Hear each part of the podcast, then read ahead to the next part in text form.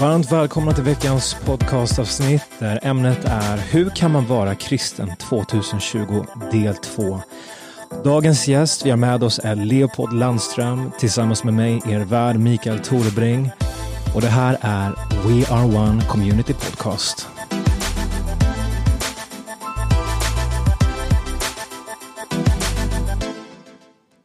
Varmt välkommen Leopold. Berätta, vem är du? Vad gör du? Tack så mycket. Ja, jag heter Leopold Landström då och eh, jag är i grunden civilekonom men har ja, hamnat i skolans värld. Så jag är utbildad gymnasielärare och jobbar på eh, We Are One Church kristna skola.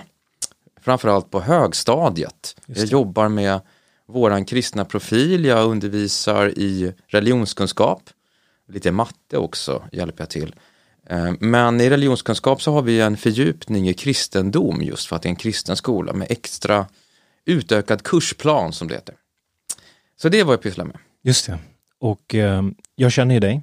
Ja, du har varit min elev. Exakt, exakt. Det var länge sedan. Eh, Det var länge sedan. Det var säkert för 15-20 år sedan. Det är nästan så att det var förra årtusendet, men inte riktigt. Nej, precis.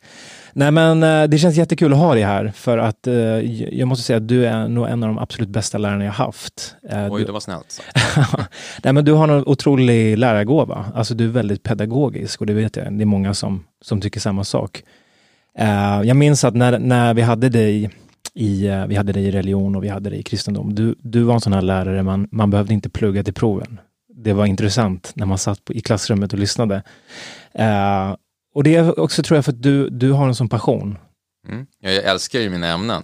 Jag älskar att vara med elever. Jag älskar att få se elever förstå och få ha aha-upplevelser och, och få dem att själva tänka till och att själva dra slutsatser och komma fram till det här tror jag när det gäller religion och tro och livsåskådning. Och det är någonting som man måste respektera också, att elever ska få dra sina egna slutsatser. Och det är så att säga en, en övergripande rubrik jag har för mig själv, att tänka så här att varje elev ska få formulera sin egen övertygelse. Och det, det är jättekul att jobba med. Verkligen. Ja, men jag tycker det är så bra.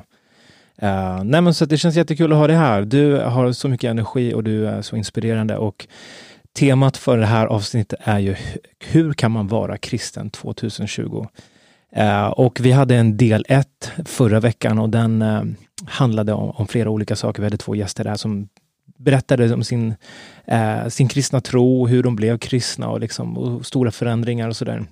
Men den här veckan så tänkte vi att vi skulle gå in på en lite mer, eh, vad ska man säga, kanske lite mm, mer teologisk eller liksom ta kanske lite svåra frågeställningar eh, som man ofta möter som kristen eller som man kanske som icke-kristen har.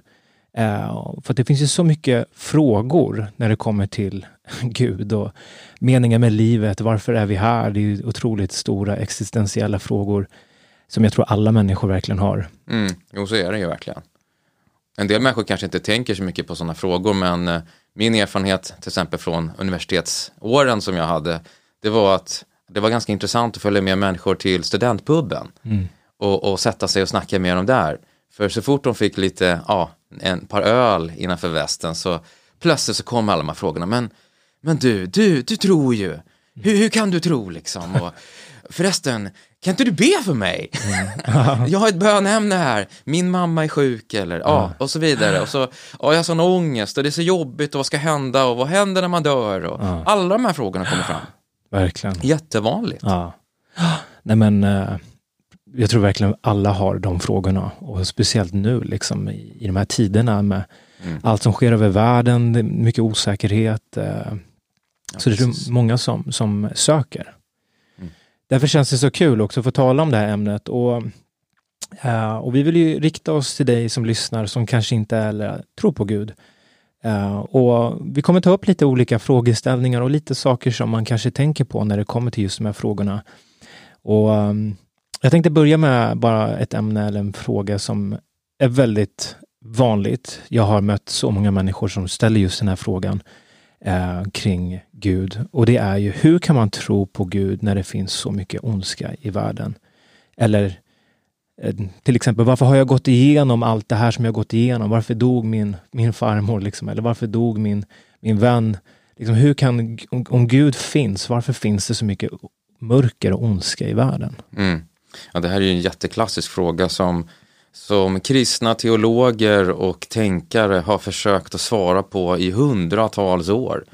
Eh, och eh, man brukar säga så här när man försöker försvara den kristna tron, så många i Sverige de tror att äh, vadå, det finns väl ingen intellektuellt försvar för den kristna tron? Jo, det gör det verkligen. Eh, I debatter mellan ateister och, och kristna förespråkare över världen, nu pratar vi då de duktiga debattörerna som är kristna, så det går inte att säga liksom att, att vare sig den ena eller andra sidan vinner, utan det handlar på något sätt, det landar i vad man, vad man faktiskt är övertygad i. Många gånger så är det så att ateisterna de tycker att de har vunnit och, och, och, och de troende tycker att de har vunnit. Men, men, men, men jag vill utmana alla att gå ut och lyssna på sådana debatter mm. eh, där Richard Dawkins och sådana här företrädare debatterar mot riktigt duktiga kristna tänkare. Mm. kommer se det, det, det, de pratar förbi varandra väldigt mycket men det finns verkligen argument för att tro, att tro på Gud. Mm. Men om vi kommer till den här frågan om hur kan Gud vara god när det ser ut så här i världen. Det finns svältande barn, det, det är katastrofer och, det, och, i min egen familj har det här och här hänt. Precis. Det är faktiskt den svåraste frågan kanske av alla, säger även de kristna tänkare som finns runt omkring i världen, att svara på den här frågan. Eh, och samtidigt så är det ju så här att, att eh, många människor i Sverige idag, de tycker att människan är god innerst inne. Och det, det är ju inte alls en biblisk syn. Vi har ju en förmåga att göra väldigt mycket ont vi människor. Mm. Det är bara att gå till sig själv, alla onda tankar man kan få, hur man kan bli otroligt upprörd och arg på alla möjliga människor runt omkring sig och inte alltid vilja dem det bästa. Eh, men den här frågan är som sagt svår, men man kan väl säga så här att i det bibliska perspektivet, i den bibliska historien, så finns det från början en perfekt skapelse där Gud har skapat allting och allting är jättebra men människan väljer att gå bort från Gud. Mm. Människan väljer sin egen väg. Det är det här Bibeln kallar för synd. Att gå bort ifrån Gud och göra sånt som bryter mot hans moraliska lag. Mm. Och det är då man släpper in ondskan i den här världen. Och utan, utan den här bakgrunden så går det inte att förstå den här frågan. Och utan den här, det här, jag anser också att den här bakgrunden visar ju också att människan är fallen, människan har synd i sig och kan göra mycket ont. Det förklarar världskrig, det förklarar massvis av ondska som människor gör. Medan människor i Sverige idag går omkring och säger att ja, men människan är innerst inne god. Och, och, det handlar bara om uppväxt och så vidare. Det är en otroligt ytlig förklaring som mm. inte håller Nej. till den fruktansvärda ondska som människan är kapabel till. Eh, men eftersom människan där gick bort ifrån Gud så handlar det också om att människan har en fri vilja. Mm. Och det här är jätteviktigt att förstå. Människan kan välja att göra det Gud säger. Göra det som egentligen alla människor vet i sitt samvete är rätt. Men människan kan också välja att göra det som är fel. Mm. Och en dag så säger Bibeln, och, och ja, så att säga, hela den kristna tron talar om att varje människa ska få göra räkenskap inför Gud vad man har gjort. Så det vi ser på jorden, det är ju ett väldigt, stor, väldigt mycket ett resultat av, av, av människans egen ondska. Av att vi är fallna varelser som har gått bort ifrån Gud och det går inte att peka finger på alla andra utan varje människa har sin del i detta. Eh, och vi har alla ansvar för att göra det som är gott. Men, men sen så finns det förstås sådana här fruktansvärda saker som inte människor ställer till med, som till mm. exempel naturkatastrofer. Och det brukar kristna svårare att förklara. Men, men om vi nu ska försöka hålla oss till de här enkla förklaringarna, vi hinner inte gå jättedjupt i den här frågan. Så, så, så kan man väl säga så här att det som händer när människan går bort ifrån Gud, det är att det kommer förbannelse över hela världen.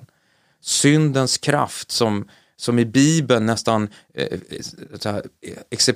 exemplifieras som en, som en nästan personlighet. En, en, en kraft som går i, rakt igenom hela skapelsen. Mm. Inte bara in i människan utan in i varenda atom på hela jorden. Mm. Och skapar en otrolig obalans från allt som var perfekt som Gud hade skapat till att allting bara skakas om och kommer i obalans. Och det, det står i Bibeln att själva skapelsen, själva naturen ligger under förbannelse också. Och det är orsaken då, den Mm. bibliska förklaringen till naturkatastrofer, svältkatastrofer och så vidare och så vidare och så vidare. Mm. Just det. Ja, det här är otroligt intressant. En annan fråga som man brukar få är ju hur kan Gud vara god och samtidigt sända människor till helvetet? Mm. Ja, det är en otroligt, otroligt jobbig fråga. Eh, du och jag som sitter här Micke, vi vill inte skicka någon till helvetet. Precis. Eh, det, det, men, men Gud är helig. Mm. Gud är helig, det är vad Bibeln säger. Mm. Gud är helig och var och en kommer att få stå till, försvar, stå, stå till svars inför Mm. honom Mm. för hur man, har, hur man har levt sitt liv. Och Bibeln säger att alla människor misslyckas Mm. att leva perfekt. Och det var därför som eh, Bibeln förklarar att Jesus kom till jorden. Mm. Gud själv klev ner, blev människa. Han levde ett perfekt, syndfritt liv. Han blev det syndfria offret, dog på korset, tog på sig alla människors synd, felsteg, överträdelser mot Guds moraliska lag. Och genom att han dog på korset så kan vi bli förlåtna och upprättade. Mm. Och Bibeln säger också att om det fanns ett annat sätt för oss att få komma till himlen, att få komma till Gud, då hade det varit helt i onödan att Gud sände sin son och att Jesus dog sen på korset. Det hade varit helt onödigt för honom att göra det. Om det nu fanns ett annat sätt att Precis. kunna komma till Gud. Ja. En annan fråga som eh, jag också kan få ofta, eller jag tror många kan få, det är ju vad händer med människor som aldrig får höra om eh, Jesus eller höra om Gud eh, och de lever kanske på någon avlägsen plats. Vad, hur, vad händer med de personerna som ja, inte kommer i kontakt liksom, med, med den här kunskapen? Då får jag bara återknyta till förra frågan att, att, att Gud är fullkomligt rättvis. Varje människa kommer stå framför honom och, bli dömda. Det är inte, det är inte vi människor, det är inte våran uppgift att döma människor. Det får Gud göra. Att Gud kan skicka människor till helvetet. Alla människor på något sätt kommer få en chans. Om alla människor kommer att få bli bedömda efter den mått av kunskap de har. Bibeln är väldigt tydlig med det här. Eh, att, eh, att den som har mycket kunskap kommer få en hårdare dom. Ju mer man vet om Jesus och ändå förkastar honom, desto hårdare blir domen. För Gud är perfekt rättvis. Och det här går att få fram i Bibeln med ganska många bibelord och se att så här, så här, så här dömer Gud människor. Men många gånger så, så sysslar vi egentligen med fel frågor, vi kristna. Vi är jättebekymrade över de som inte har hört, istället för att se till att de hör. Mm. Jättekonstigt. Eh, eh, Gud är ju perfekt rättvis.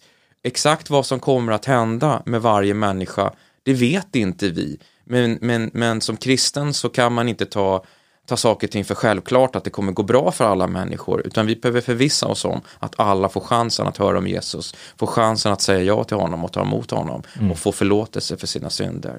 Så, så kan man inte åka själv får man med sina pengar skicka någon som kan åka och berätta för dem om Jesus på de här platserna. Och Gud, han är den som är domaren. Han kommer vara fullkomligt rättvis. Och, och lite grann så säger Bibeln så här, vem är du som är skapad av mig? Det är vad, vad Bibeln säger att Gud säger. Hur ska du döma mig? Ska, det, det är jag som dömer dig. Jag är perfekt rättvis. Hur kan du ifrågasätta min dom? Men Bibeln samtidigt lyfter fram att Gud är barmhärtig, han är nådefull, han är god. Han, är, han, han, han sände Jesus i världen för att frälsa världen. Det är det här vanliga klassiska bibelversen, Johannes 3 och 16, som, som kanske är världens mest kända bibelvers. Att Gud älskar världen så mycket att han sände sin son för att frälsa alla, rädda alla. Men versen efter fortsätter med att Gud sände inte sin son i världen för att döma, utan för att rädda. Det är Guds hjärta. Det är Precis. det han vill. Så bra. Och nu, nu går vi direkt på de tuffaste frågorna. right off the bat. Ja, det blir ganska ytligt här, men i alla fall en start att börja Ja, tänk, precis. tänka lite grann. Det finns ju massvis också att gå ut på nätet och läsa och, och titta på videos som, som behandlar alla de här frågorna om man är Precis. nyfiken. Exakt. Och förhoppningsvis så väcker det här ett intresse Ja. från den som kanske aldrig har ens tänkt, tänkt att det ens fanns något svar på de här frågorna. Mm, precis. Men eh, jag tänkte, det är det sista du sa här, liksom, att, att Gud säger till oss, vem är du att liksom eh, säga att, att du har skapat mig liksom, och, och att vi eh, försöker liksom, tillrättavisa Gud. Eh, jag har en fråga som egentligen kommer, jag hade tänkt ta mycket senare, men det handlar ju om att vi lever i ett samhälle där människan är i centrum. Mm. Och vi lever ju i ett humanistiskt samhälle där människan är i centrum, människans vilja och ambitioner och drömmar. Uh, och liksom, vad är utmaningen med det? Alltså att, att vi, vi lever i ett sånt här samhälle där människan är så otroligt mycket i fokus istället för Gud. Ja, på något sätt så vi, vi tillber oss själva. Mm. Vi tillber idoler, artister, vi tillber människor som är framgångsrika.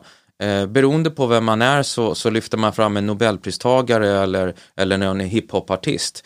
Eh, man tillber människan, man sätter människan i centrum. Och, och Bibeln säger att det är inte människan som ska vara centrum. Det är Gud som ska vara i centrum. Mm. På något sätt så tillber vi oss själva, vi lovsjunger oss själva, vi hyllar oss själva. Och problemet med allt det här det är också att vi, vi mäter ju, människan är alltings mått. Mm. Det är den här humanismens så att säga kärna. Mm. Där, där man mäter, mäter mot andra människor. Och då, och då när man kommer till då, då alltså att man gör moraliska felsteg, då, då mäter man på ett mänskligt sätt och tycker att men jag är väl ingen dålig människa. Men, men man mäter inte på Guds sätt. Man, man pekar på sin granne och säger men jag är i alla fall bättre än den och bättre än den och bättre än den. Jag har väl inte gjort så många fel. Och så förstår man inte att man står inför en helig Gud som är felfri och, och, och, och syndfri. Och hans himmel, där finns inte plats för synd. Synd är som en, som en, eh, som en sjukdom, en smittsam sjukdom som inte kan få komma in i himlen. Utan du måste, du måste så att säga bli renad och helad från detta. Och det är bara genom Jesu kors, genom Jesu blod, man Mm. kan bli totalt renad från, den här, från all synd och få komma till himlen. Mm. Ja. Nej, men för det, man ser ju liksom samhällsutvecklingen och man ser vad som händer i, i Sverige, men man ser vad som händer över hela världen. Eh, man behöver liksom inte man behöver knappt en statistik bara för att se liksom hur psykisk ohälsa ökar, självmord ökar, eh, skilsmässor och våld och kriminalitet. Och, man, och liksom, jag i alla fall, man känner ju att det är en otrolig koppling till det avståndet vi tar från Gud. Liksom. Att vi, Och visst är det så. Och, och problemet med humanismen det är ju att man räknar ju bort Gud helt och hållet. Gud finns inte. Utan det är bara vi människor som finns här på jorden. Och vi måste lösa allting själva. Det är bara att vi är inte så jättebra på att göra det. Och så är man upprörd och arg på den och den och den som förstör för alla andra. Men det här är ju ondskan som finns i oss människor. Vi kommer aldrig kunna skapa ett paradis på jorden. Det, det är bara att inse att, att, att det är läget. Vi får göra det bästa av situationen. Men problemet är också att eftersom man inte räknar med Gud så ber man inte till Gud om hans hjälp. Om vi ska få fred på jorden så måste människor få frid i sitt hjärta. De måste få frid med Gud. De måste få uppleva att, att synden blir borttvättad. För många, många människor som beter sig på ett väldigt ont sätt, de har redan passerat alla gränser. De känner att det finns ingen väg tillbaka. Det, det här är jag, så här är jag. Och då bara fortsätter man i, i den stilen. Eh, och, och, och, och, människor i världen idag känner hopplöshet. Mm. Därför att man ser att alla, det spelar ingen roll, man röstar, vad man än röstar, om man röstar vänster eller höger, våra politiker står helt handfallna. Mm. Ehm, och, och, och så hoppas man på någon ny nobelpristagare eller någon ny person som ska frälsa världen, Elon Musk, liksom, ny teknik eller vad som helst. ja. Eh, och, och, och besvikelserna kommer om och om igen. Mm. Och så här har det sett ut genom alla tider. Börjar man läsa lite idéhistoria så ser man att ja, det är bara att gå tillbaka till, till i, i tiden hur, hur man var otroligt optimistisk i slutet av 1800-talet, början av 1900-talet. Man trodde den nya teknologin skulle liksom rädda världen och bara ändra allt. Och sen kommer första världskriget. Mm. Och så kommer man ut ur det och så kommer ekonomisk depression. Och, och, och sen kommer andra världskriget. Mm. Och det här är också orsaken till att människor inte tror på Gud. Man undrar, men hur kunde Gud tillåta det att hända? Men det var inte Gud som startade de här krigen. precis. Det här är ondskan i människan Exakt. som har ställt till det här. Ja. Och för mig som kristen så ger Bibeln det absolut mest trovärdiga, den trovärdiga spegeln Mm. för hur det faktiskt ser ut i den här världen och varför det ser ut på det sättet. Humanismen som människor går omkring och tror på fast de, inte, de säger inte att de är humanister, de kanske inte ens vet vad det här begreppet betyder, men ändå så lever ju svenskar så här. Man kä- ser sig själv som, nej men jag är god innerst inne, jag kanske gör några fel så här, men, men vi- innerst inne är alla människor goda, det är en lögn. Det är en lögn. Vi är en blandning av det onda och det goda och vi är mer fallna, mer onda än vi gärna vill erkänna. Och vi behöver desperat en frälsare, rent personligen, men också för våran familj och för våran stad och vårt samhälle. När Gud får komma in och skapa frid i människor, när det kommer väckelse, brukar man säga i kristna kretsar, det är ju ett bibliskt begrepp. När ett samhälle totalt genomgripande går igenom en väckelse, när många, många, många människor vänder sig till Gud, vad händer? Jo, vi ser platser på jorden, rent historiskt, men också i modern tid, när Guds kraft får slå ner, där allting förändras. Mm. Där man till och med får lägga ner fängelser. Mm. Man stänger igen fängelserna för ingen begår kriminalitet. Och de människor som jobbar med de områdena måste utbilda sig till andra saker istället. Mm. Och, och, människor mår mycket bättre, den sociala ja, ohälsan, allting bara, alla kurvor bara vänder. Mm. Därför att människor får frid med Gud, helt mm. enkelt. Och det är intressant det där, just när du talar om att liksom hur ett samhälle kan börja vända sig till Gud. För jag tror ju liksom, i Sverige så har man det så bra. Mm. Och många människor kanske ställer sig frågan, varför behöver jag Gud? Jag har det ju så bra, jag har allt vad jag behöver. Om jag förlorar mitt jobb, då har jag liksom ett säkerhetsnät där. Mm. Um, vi har en hög livskvalitet. Liksom. Var, men varför behöver man Gud? Även, även fast man har det bra. Mm. Det här är ju ett av de kanske absolut största hindren för människor att komma till Gud. Jesus han säger så här, det är svårare för en rik att komma in i himmelriket än det var är för en kamel att komma igenom nålsögat. Ett nålsöga. Och det, det, det är sant, va? därför att är man rik, och inte bara i pengar, man kan vara rik i relationer, att man har ett rikt liv, man har mycket fritidsintressen, man mår bra, man har hälsan och så vidare. Vad ska jag ha Gud till? Allt är ju bra. Allting som verkar med Gud, det är ju bara så här massa regler som Precis. ska följa, som, som bara tar bort ifrån mig, ja det är en vanlig bild, va? att, att man, man, då tas ju allt det roliga ifrån mig. Man har inte alls förstått Nej. vad Guds regler går ut på. Det handlar om, det handlar om att beskydda mig mm. från allt det onda, så att jag inte hamnar i problem för mig själv och inte ställer till problem och skadar andra människor. Det är det det, är det, det handlar om. Men, men människor lurar sig själva. Materialismen, det här är en annan ism. Ja, alltså, det, det, någonstans är, man, man, sko, man brukar skoja och säga så här, mest prylar när man dör vinner. Mm. Och det är, det är en helt sjuk eh, livsstil. Man tror, man, man, man, man, man lever i en illusion av att allting är perfekt. Mm. Men man glömmer bort att det liv vi lever här och nu är en kort litet ögonblick resten av evigheten. Vad händer den dagen jag dör? Mm. Men också, jag lever också väldigt, väldigt själviskt många gånger. Mm. Jag kanske ger lite till Amnesty, jag kanske bryr mig om det om andra människor. Precis, men man, man, man bara föder sitt eget ego. Mm. Jag har det bra. Man hör det på själva påståendet. Jag har det bra. Varför skulle jag behöva Gud? Mm. Du behöver Gud därför att du är så självisk. Mm. Du behöver dö från ditt ego, du behöver, du behöver tänka på livet efter döden och du behöver börja tänka på dina medmänniskor ja men det orkar inte jag. Nej, men Gud kan ge dig kraft och kärlek till att vända dig till dina medmänniskor. Mm. Ja, eh, så bra och så intressant. För det känner man, det, det karaktäriserar samhället med sociala medier. Man bara ser på varandra, på varandras i parentes skyltfönster liksom och det ser så bra ut liksom att man ska hela tiden se bra ut, man ska ha det bra ställt, man ska ha en fin familj liksom.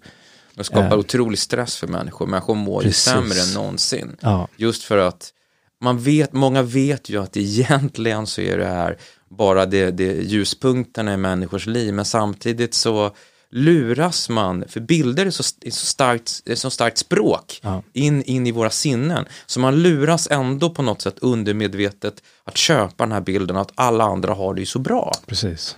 Men det är ju inte sant. Nej. Eh, jag minns du, du, du, du sa någonting i någon predikan, eh, Micke, om att, att dina barn du fick din, din, din fru, eller om du var du själv, fick alla barnen att säga halleluja jättehögt i bilen. ja, just det, just det. Egentligen, alldeles nyss innan så bara skrek de, var bara, allt, allt var bara tumult liksom. Precis. Men det roliga, den filmen som lades ut var när alla ropade halleluja, allt såg så fantastiskt bra ut. Precis. Jag, jag, jag är likadan, man lägger ut de här roliga grejerna. Ja, ja. Och, och, och, någonstans, ibland när någon människa lägger ut någonting i sociala medier att de mår dåligt, mm. då blir man nästan så här, hur ska jag reagera på det här? För det är så ovanligt. Mm.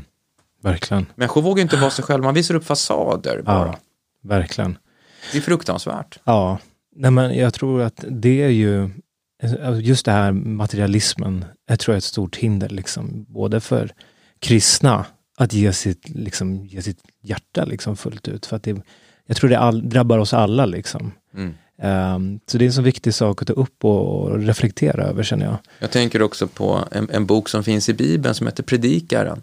Där den rike Salomo, som var kung i Israel för, för uh, ja, snart 3000 år sedan, mm. uh, så, så, så han var kung Davids son som tog över uh, kungatronen. Mm. Han skriver i den här boken, han, i den här boken i Bibeln, Predikaren heter den, att, att han är ju stenrik, ja.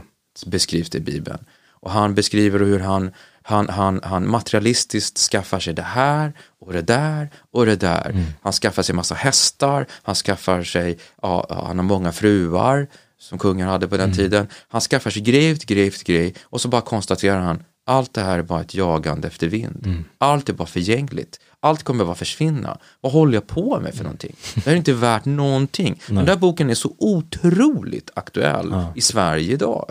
Den borde man sätta händerna på alla människor som bara, bara jagar. Mm. För det är precis det han skriver, de jagar efter vinden. Mm.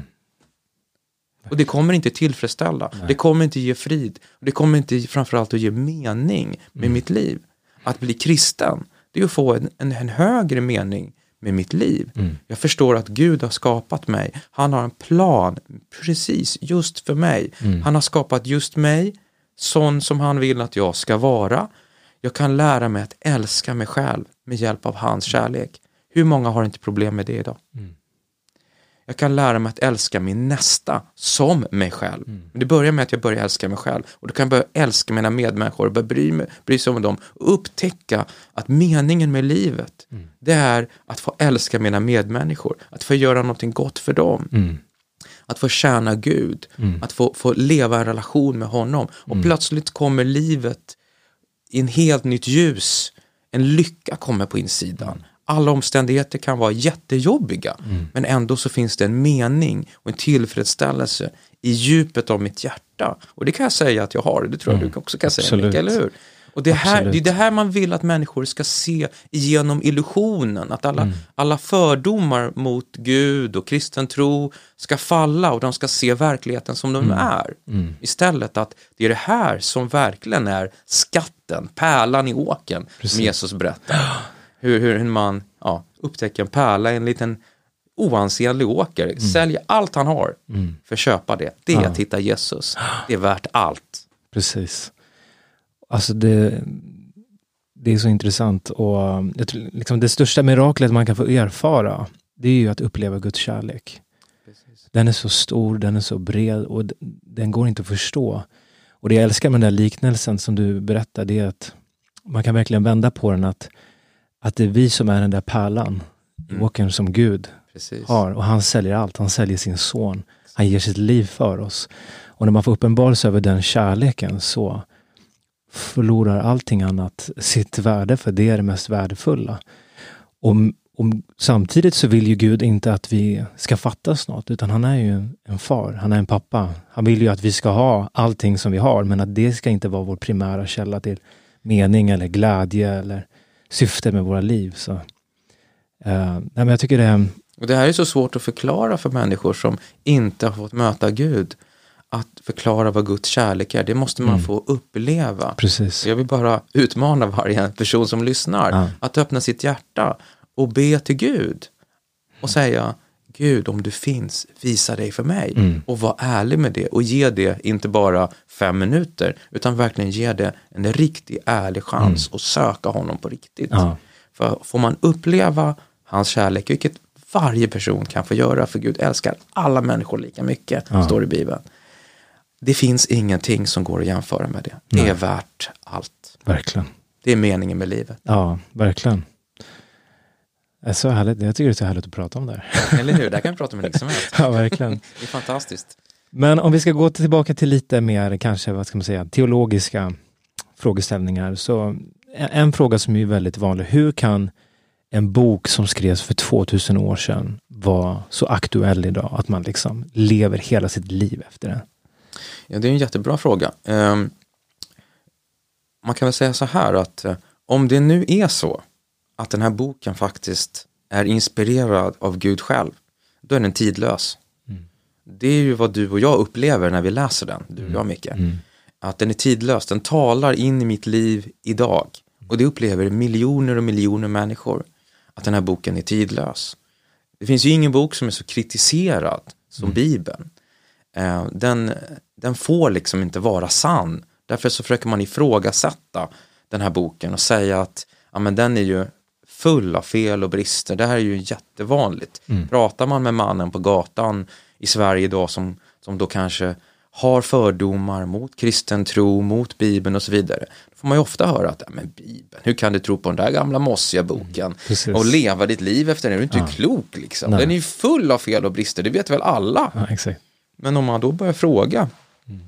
vilka fel och brister ser du i Bibeln? Ja, jo, men den är ju full. Ja, men kan du ge något exempel på någon motsägelse eller någonting som du, du menar är helt fel? Ja, då blir ju människor tysta bara. Mm. De, de, de, har ju ingen, de har ju oftast inte läst Bibeln själva. Mm. Och det är därför de är fulla av, av fördomar. Mm. Det är också många som säger att Bibeln är ju inte samma sak idag som det var när den skrevs. Den har ju liksom redigerats och gjorts om. Och så Ja. Det är jättevanligt att, att man säger sådana saker. Mm. Och oavsett om man då tror på Gud, tror på Bibeln eller inte, så kan vi väl konstatera att jämför man med annan antik litteratur som är från antiken, så att säga, Platon eller Aristoteles eller liknande, så finns det ju en helt, helt överlägsen dokumentation när det gäller Bibeln. Mm. Eh, vi, kan, vi kan veta med stor säkerhet att det här budskapet inte har ändrats. För vi har så, att det finns ju inga original kvar från den tiden, från några skrifter. Mm. Överhuvudtaget allt är ju avskrifter. Mm. Det gäller ju även Platon och Aristoteles, men det gäller ju Bibeln också. Vi vet, vi vet hur processerna går till när man har skrivit av Bibeln just och kopierat den. Hur man var minutiös noggrann.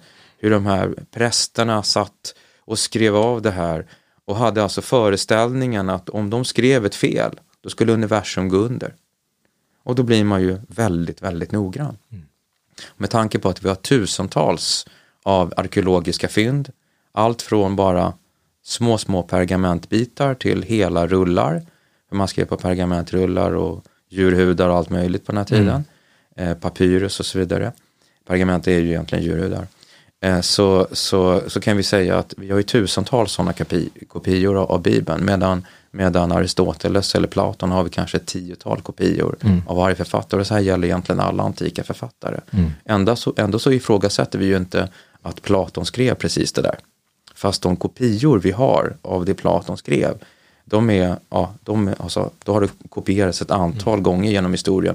Så de kopior vi har, de är bara tusen år gamla. Medan Platon levde ju för 2300 år sedan och mm. liknande. Just det. Eh, där Bibelns kopior ligger mycket, mycket, mycket närmare i tid. Mm. Och det är väldigt fascinerande att se. Så oavsett, oavsett om man tror på Bibeln eller inte så kan man inte säga att Bibeln har skrivits om i alla fall. Nej. Nej, men precis. Och ja, de här beläggen du, du äh, nämner, de finns ju lätt att hitta, bara googla. Liksom Döda ja, finns hur mycket som helst. Ja, Döda havsrullarna är ju helt fascinerande. Där Precis. sa man ju, alltså bara, det är ju jätteintressant.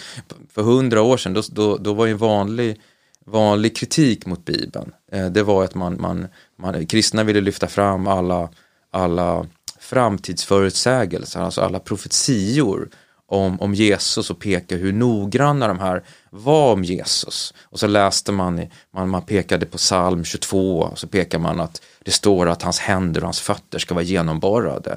Att de ska kasta lott om hans klädnad, vilket soldaterna gjorde när man då läser evangelierna. Och så det här är ju redigerat, det är ju tillfixat efteråt. Sen kommer man fram på 1940-talet och så finner man nere vid Döda havet Döda havsrullarna. Och så hittar man just Saltaren, man hittar Jesaja eh, bokrulle, där det också finns många profetier om Jesus och många, många andra rullar också från, med bibelböcker. Och så upptäcker man att det här daterar man till, för det första till 200-300 innan Jesus levde. Mm.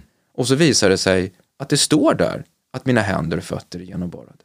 Mm. Och att de delar mina kläder och kastar lott om min klädnad. Det har stått där alltså innan Jesus levde. Så hela den argumentationen föll helt och hållet. Mm. Det är ju helt fascinerande. Ja, det är helt otroligt. Och om du som lyssnar eh, vill ha mer information, det här finns så lättillgängligt. Mycket lättillgängligt att läsa om. Så att eh, det är bara ut och googla. Verkligen, det finns hur mycket material som helst. Sen någonting som ofta också dyker upp, det är ju liksom i, i världen finns det så många religioner. Mm. Och det finns en, en uppsjö av olika trosinriktningar. Men vad, vad är skillnaden med kristendom jämfört med alla andra religioner? Varför just kristendom? Varför är det sant? Mm. Och det finns en avgörande skillnad med den kristna tron som, är, som avgör alltihopa. Den har vi ju redan varit inne på här flera gånger. Hur det ha- handlar om att Gud kommer ner till oss. Och han blir en av oss, dock syndfri. Han tar på sig våra synder och vårt straff. För vi kan inte förbättra oss själva tillräckligt mycket och befria oss själva från alla synder. För vi kommer alltid synda i våra tankar och göra saker och ting eh, som är fel. För vi, vi, är inte, vi är inte fullkomliga och det är bara att gå till sig själv. Det är bara, det är bara pinsamt att försöka påstå att man är perfekt. Det är ju ingen människa som är.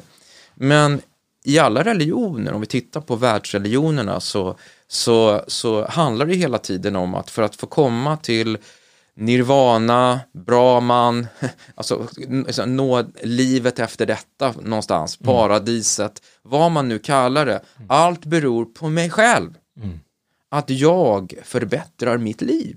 Att jag blir tillräckligt bra så att jag till slut slipper återfödas eller en gud godkänner mig, varsågod, du är så duktig nu och så felfri så att du får komma till himlen. Den kristna tron säger att den här vägen är omöjlig. För mig är den, så att säga, den övergripande historien om mänskligheten att vi människor, vi, det finns inga människor som kan bli så goda. Det är omöjligt. Den kristna, så att säga, storyn i Bibeln som beskriver att människan är fallen varelse som har syndat och som är desperat behov av en frälsare, räddare, som förlåter oss vår synd, som kliver in i vårt ställe. Jesus betalar lösensumman för oss. Det är ett annat sätt, bibliskt sätt att förklara det här. Han betalar priset, han betalar min skuld. Jag står, inför, står med skuld inför Gud, en syndabörda, en syndaskuld. Och han tar på sig min, straffet för mina synder. Han, han kliver in i mitt ställe. Gud kommer ner på jorden istället för att jag ska försöka klättra upp till Guds nivå slippa bli återfödd, komma till ett paradis och liknande. Som allting beror på mig, så beror det inte längre på mig. Allt beror på honom. Han, istället för att jag ska försöka komma upp, så kommer han ner till mig. Och han tar på sig mitt straff. Och allting är nåd, det här ordet som inte finns i andra religioner överhuvudtaget. Förlåtelse och nåd existerar inte på det sättet. Eh, det är bara att gå till islam. Eh, det är svårt att prata med en muslim och försöka förklara vad nåd och förlåtelse är. För det finns inte i den religionen. Och det finns inte i andra, många andra religioner heller. Därför att allting går ut på att jag ska förbättra mig själv. Om bara mina goda gärningar är mer än mina dåliga gärningar så kan jag få en bättre återfödelse eller jag kan få komma till paradiset, himlen och så vidare. Men den kristna tron hela tiden handlar om att det är en omöjlig väg. Allting beror på Jesus, att han har dött för mig. Jag får det här som nåd, alltså helt gratis. Jag har inte gjort någonting för att förtjäna det här. Och det är bara, det är ett budskap som är nästan för bra för att vara sant. Och när man får uppleva det här och får uppleva rent känslomässigt, liksom, det hinner i kappen också rent känslomässigt, jag är förlåten. Nej, men det är helt otroligt. Vilken kärlek. Gud själv kom ner på jorden och hängde på korset för just mig. Alltså det är helt mindblowing. Ja, verkligen. Och du var inne på islam eh, och jag träffade min wow-grupp igår och jag berättade om att vi skulle ha det här eh, avsnittet och jag frågade så här, vad, vad tycker ni att vi borde ta upp? Liksom? Vad, vad, vad känner ni? Liksom? Och en fråga som kom upp, det var just kristendom och islam. För att många har muslimska vänner. Och, Ja, islam är ju den största religionen Precis. vid sidan av, av, av kristendomen i Sverige. Jo men precis, och det, många har ju vänner som är muslimer, vissa kanske inte är så, ska man säga, vissa inte är så eh, radikala utan de kanske lever ändå liksom ganska vanliga svenska liv. Eh, Men kallar sig själva för muslimer. Ja, och- och- Kulturella muslimer. exakt. Och många gånger så, så berättar de att många, många tror att kristendom och islam att de har samma gud. Mm. Är det så? Inte alls. Läser man Koranen så är det ju mycket, mycket tydligt att, eh, att Gud har ingen son. Det står till och med i Koranen att förbannad var det var och en som säger att Gud har en son. Mm. Och det är mycket tydligt att det är en riktad udd just mot den kristna tron. För Muhammed han lever ju flera hundra år efter Kristus, mm. då kristendomen redan finns. Och Muhammed, vet vi rent religionshistoriskt, vände sig, han såg ju sig själv som den sista profeten i en lång rad av andra profeter. Och det är de gamla testamentliga profeterna från Bibeln vi pratar om. Mm. Därför i Koranen så ser vi ju att Noa är profet, Abraham är profet, Jesus eller Isa som han kallas i Koranen är en av profeterna. Alla de här personerna, Adam och så vidare, alla de här personerna är profeter. Men Muhammed är den sista i raden av profeter. Mm. Men om Jesus inte är Guds son, utan han bara är en vanlig människa, då faller hela den kristna tron. För är han en vanlig människa, då är han full av synd. Då är det bara en vanlig människa som dör på korset. Mm. Då gäller inte Jesu offer för mänsklighetens alla synder. Och det finns ingen frälsning, det finns ingen hopp, det finns ingen räddning och det finns inget sätt att komma till himlen. Nej. Så det står och faller med den punkten och Koranen är tydlig att eh, Gud har ingen son. Mm. Och förbannad var det var en som säger så. Mm.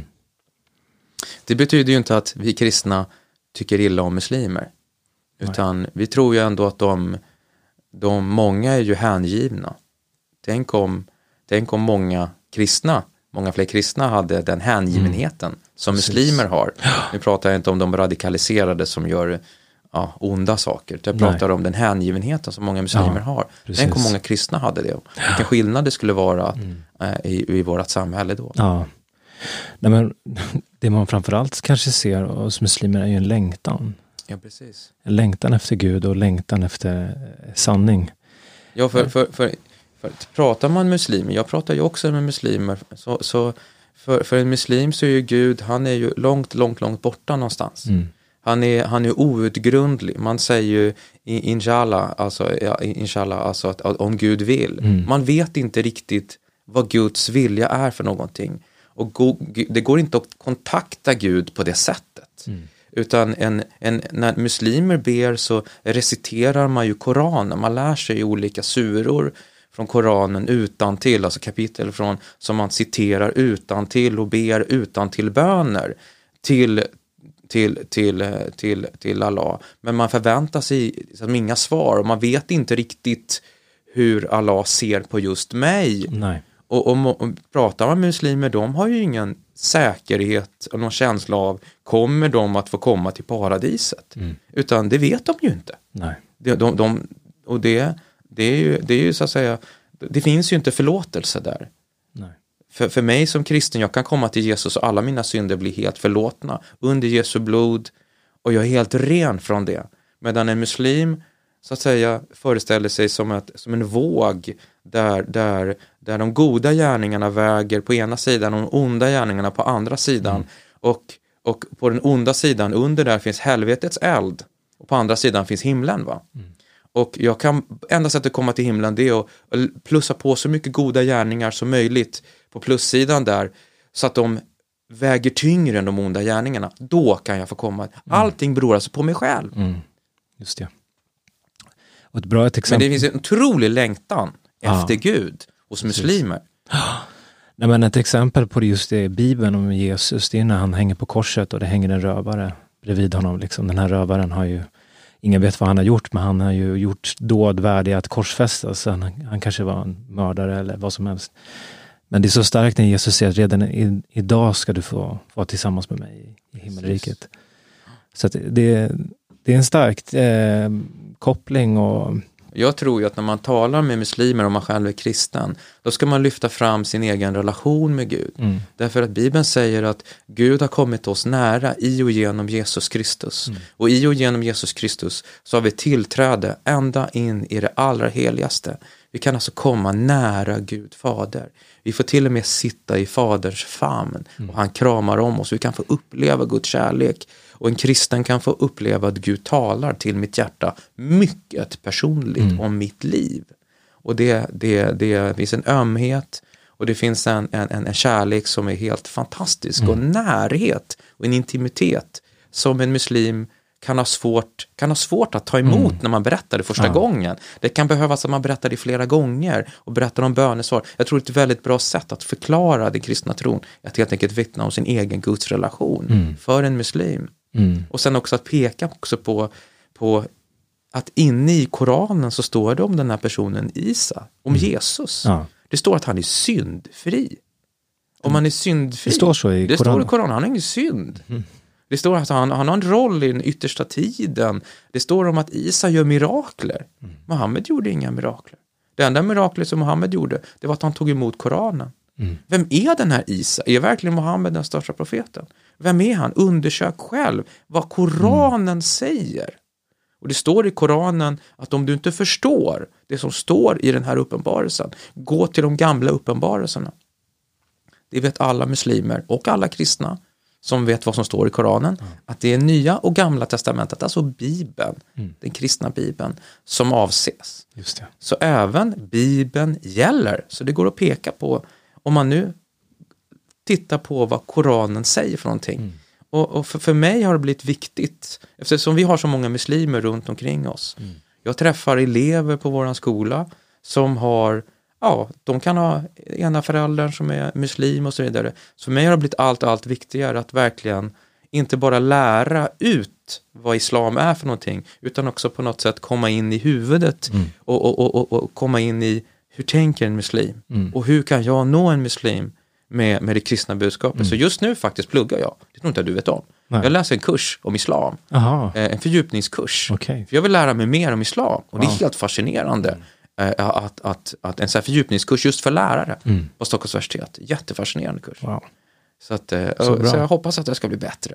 och jag hoppas att jag framförallt, målet med kursen är att, att jag ska inte bara bli bättre på att undervisa utan jag ska också bli ännu bättre på att förstå vad islam är och ha förkunskaper och kunna också hitta infallsvinklar i hur jag ska, rent kunskapsmässigt kan helig ande använda det till att nå muslimer. Mm.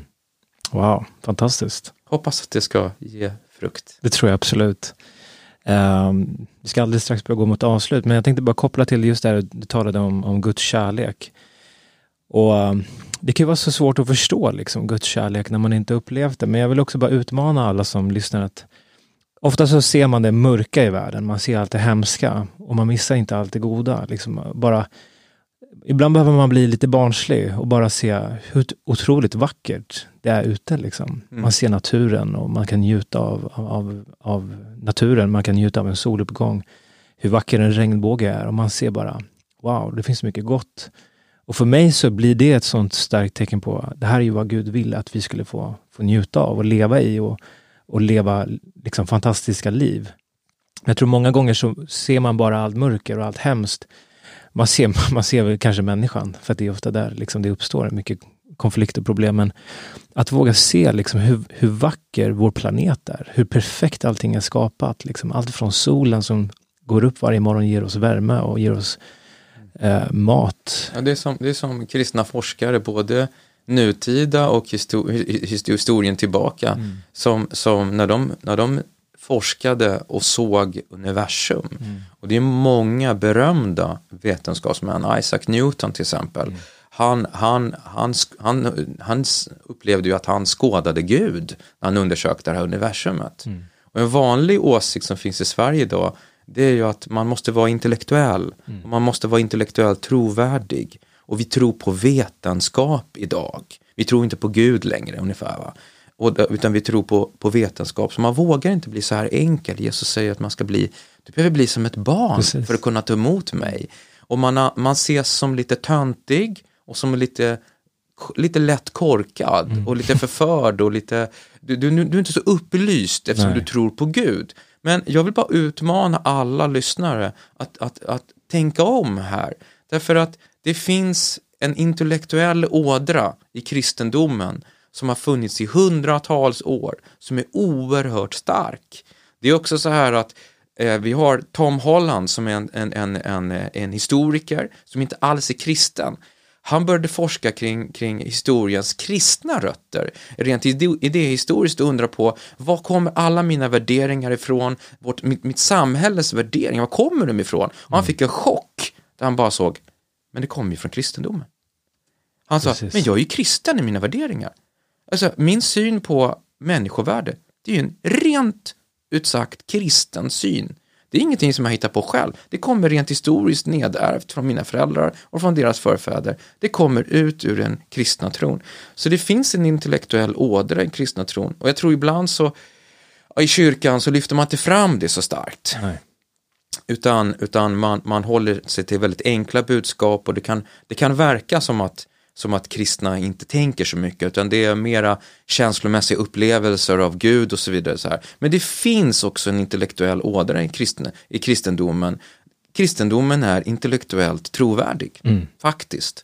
Men det gäller också att våga bli, precis som du säger, bli fascinerad av universum. Dagens kristna forskare, som är många, många fler än mm, Richard Dawkins skulle vilja egentligen erkänna, det är, det är en stor procent eh, som, som är, faktiskt är kristna och troende och som, som inte accepterar att allt är bara en slump och har tillkommit helt slumpmässigt.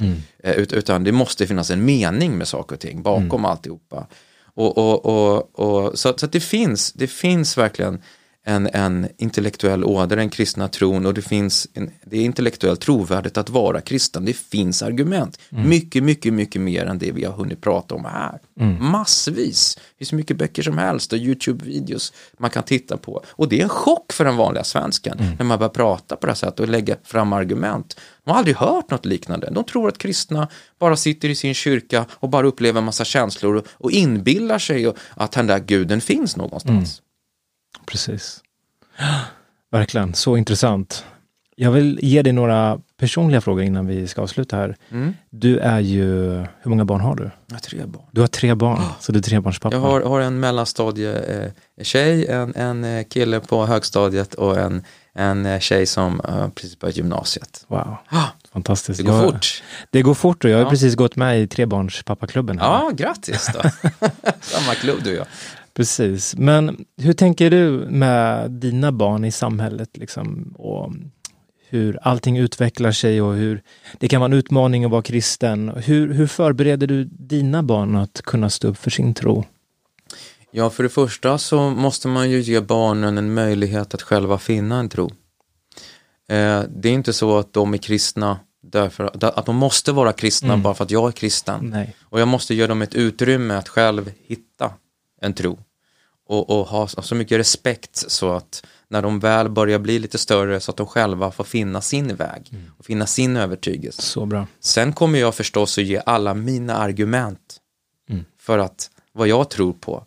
Men det som jag tror också, jag har jobbat mycket med ungdomar i vår kyrka. Jag kan väl se så här, och hoppas inte någon sitter där ute och får fördömelse nu när jag säger det här. Men jag kan säga så här att föräldrar som inte bara säger till sina barn det här ska du tro på, utan också som lever ut det fullt ut. Det är då barnen vill följa sina, barns, i sina föräldrars fotspår. För säger man en sak och gör någonting annat och barnen ser att det som man säger och det man gör inte riktigt hänger ihop, då bör man ifrågasätta och, och tycka att det här, är inte, rik- det här är inte äkta, det här är inte på riktigt. Nej. Så för mig är det viktigt att, eh, att visa mina barn att min tro är på riktigt och att de får ställa alla frågor som vill och att jag leder, alltså jag, jag visar dem med mitt exempel vad det är att vara kristen. Idag så, så bekänner alla tro på Jesus och alla eh, eh, har tagit emot Jesus. Eh, men, men det gäller ju också att hela tiden ha den här ödmjukheten inför dem, för de måste hitta en egen tro. Det är ingenting, det är bara deras egen relation med Gud som kommer att hålla. De kan inte bygga på sina, sin mamma och pappas tro, det funkar ju inte. Precis. Du är lite yngre barn, men jag tror, att du, jag tror säkert du tänker något liknande, eller hur? 100 procent, verkligen. Och, och, och sen kommer frågorna och, och, och, och, och då, jag, jag brukar vara, vara noggrann med att, att eh, men pappa, vad, vad, vad tänker du liksom om, om, eh, om det här och det här? Vad tänker du om Donald Trump? Till exempel fråga min son kanske. Eh, eh, ska man rösta på honom? Eh, är det rätt eller fel? Va? Och, och, och, och, andra så att säga, som är hans ålderkompisar frågar samma saker. Va? Just det, ja. Och, och är jättenyfikna på vad jag ska svara för någonting. Då, då. Mm. Ja, Donald Trump kanske inte har en kristen karaktär direkt. Nej. Han mobbar, han gör saker och ting som, att, att ge det här nyanserade svaret. Mm. Men också försöka förklara, hur kan det komma sig då att det finns många kristna i USA som ändå tycker om Donald Trump? Mm. Hur kan det komma sig? Hur kan det komma sig att det finns andra kristna som inte tycker om Donald Trump och som röstar på Joe Biden? Och så pratar man om högsta domstolen och, och abortfrågan som för en del kristna är jätteviktigt. För andra kristna handlar mer om social rättvisa är det viktiga. Och vad är det som är viktigast som ligger högst på agendan? Att, att ge det här nyanserade svaret och, och, och inte, bara, inte bara säga till dem du ska tycka så här. Nej. Att inte ge dem färdiga åsiktspaket. Precis. Ja, det där tror jag är så bra och så viktigt. Utan, utan resonera med dem Ja. och få dem själva att fundera. Verkligen. Ja, men superbra. Och Och sen får man be förstås för sina barn. Eftersom jag är kristen så tror jag att, att den helige ande verkar på dem. Så att de någonstans, jag, jag brukar tänka så här att, att om Jesus är sanningen med stort S, vilket jag tror, så kommer varje ärlig människa som vill ha sanningen, kommer att hitta sanningen. Han kommer hitta Jesus, sanningen med stort S. Och alla andra, så att säga, allt annat som verkade vara sant kommer falla bort. Va? Och då måste jag vara lite cool och, och låta, låta mina egna barn få utforska lite grann inom viss, vissa ramar. För självfallet så tillåt, tillåter inte jag dem att göra dumheter och skadliga saker för sig Nej. själva. Och det här är svårt va, men, Precis. men, men ändå, så länge de bor under mitt tak och inte är myndiga, då är det vissa regler som gäller oavsett hur de tänker och tycker. Och det jag kommer förklara för dem, inte bara säga att det är så här, Nej, utan förklara varför också. precis. Varför jag tänker så. Ja, varför det är skadligt för dem, varför det är negativt, varför jag tror så. mm, verkligen.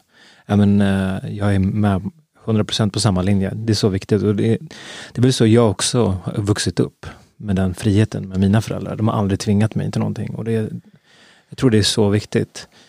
Um, de, Sam, samma sak med mina föräldrar, bara skjuta in det att mina föräldrar var jättenoggranna med tonåring, jag tror jag var 13 år. Mm. Och då förklarar mamma och pappa för mig att Leopold, vi kommer alltid älska dig. Vi är kristna, vi skulle älska att du också önskar att du, blev, att du var kristen. Men vi kommer älska dig lika mycket vad du än väljer för väg i livet. Mm. Det var väldigt skönt att höra. verkligen. Otroligt bra. Alltså så moget. Precis. Att våga säga det som förälder. Ja. Det var starkt. Verkligen. Någonting som jag också tänker på um, är ju, bara sista frågan här, ni får hänga med oss. Eh, det kan vara en utmaning att börja gymnasiet, att komma ut i vuxenlivet eller arbetslivet eller träffa människor rent generellt eh, som kanske inte håller med en. Och någonting, du är också, du är också lärare på vår bibelskola. Just det, på School School of Lights. Precis. Och där finns det ju ett ämne som heter apologetik. Mm. Och det handlar ju om att försvara den kristna tron. Mm. Och bara jag tänkte bara kort, hur, hur vart, vart, blä, vart, vart ska man börja någonstans när man eh, vill lära sig mer om att kunna försvara sin tro och liksom, vad, vilken ände ska man börja i? Kom till School of Lights. Jag vill säga öppet Smash. mål där. Sätt dina barn på våran kristna skola om man är ung. Eh, Men eh, självfallet så, så eh, börja läsa lite bra kristna författare. Titta på lite duktiga så här kristna tänkare som försvarar den kristna tron. Jag skulle vilja lyfta fram, det finns ju massvis på nätet som, som, som, som argumenterar för den kristna tron. Alla kanske inte jag tycker har den bästa eh, attityden mot sina motståndare. Det tycker jag är viktigt.